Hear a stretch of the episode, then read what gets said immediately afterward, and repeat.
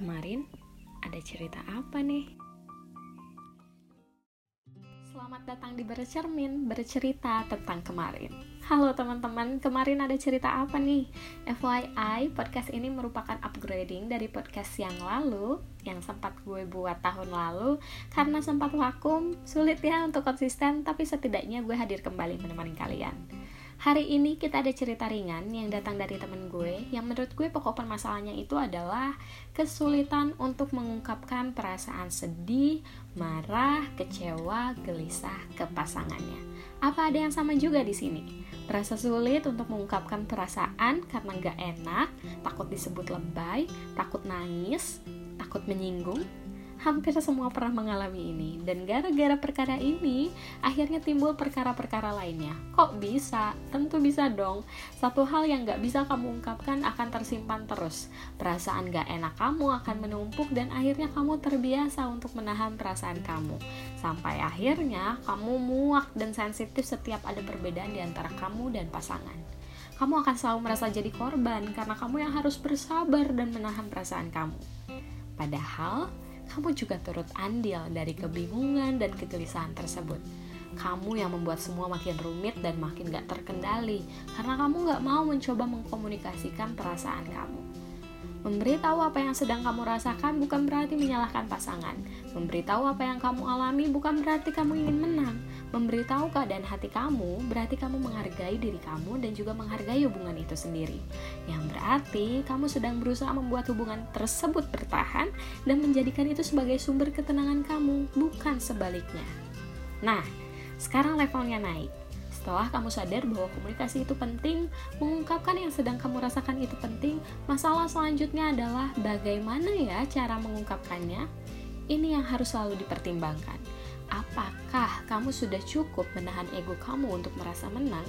Karena nyatanya lebih banyak yang mengungkapkan untuk merasa menang bukan untuk tenang. Gue saranin ketika mau menyelesaikan kegelisahan kalian, usahakan bertemu langsung.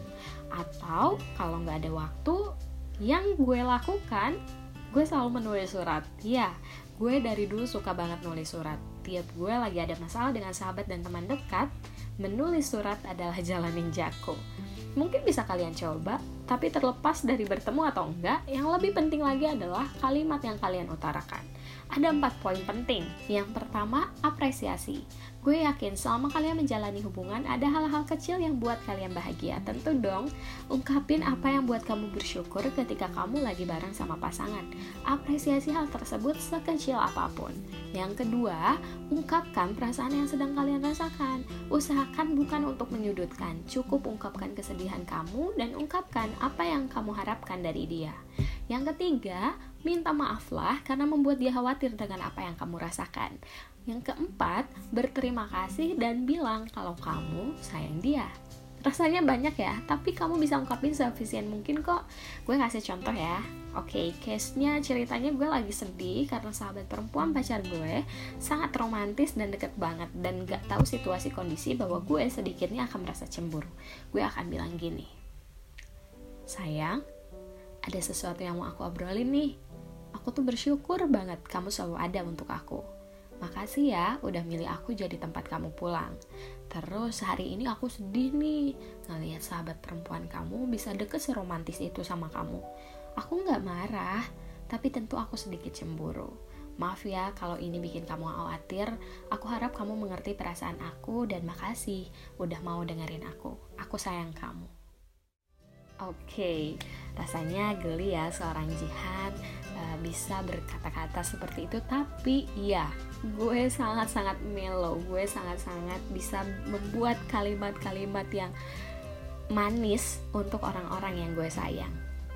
Kenapa sih empat poin tersebut menjadi penting? Karena satu hal tadi, tujuan kamu adalah untuk tenang, bukan untuk menang. Kamu harus tahu bahwa nggak semua akan selalu berjalan baik-baik aja kamu harus tahu kamu dan pasangan kamu adalah dua orang yang berbeda. Ingat, komunikasi dua arah itu penting.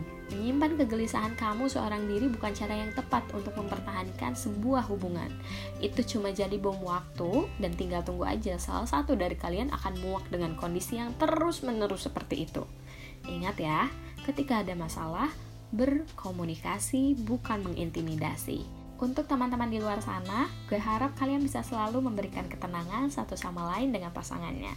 Ingat juga, hal ini bukan hanya terjadi dengan pasangan, bisa juga terjadi di persahabatan, teman main, atau keluarga. Komunikasi itu penting, ingat ya. Sampai jumpa lagi di episode selanjutnya.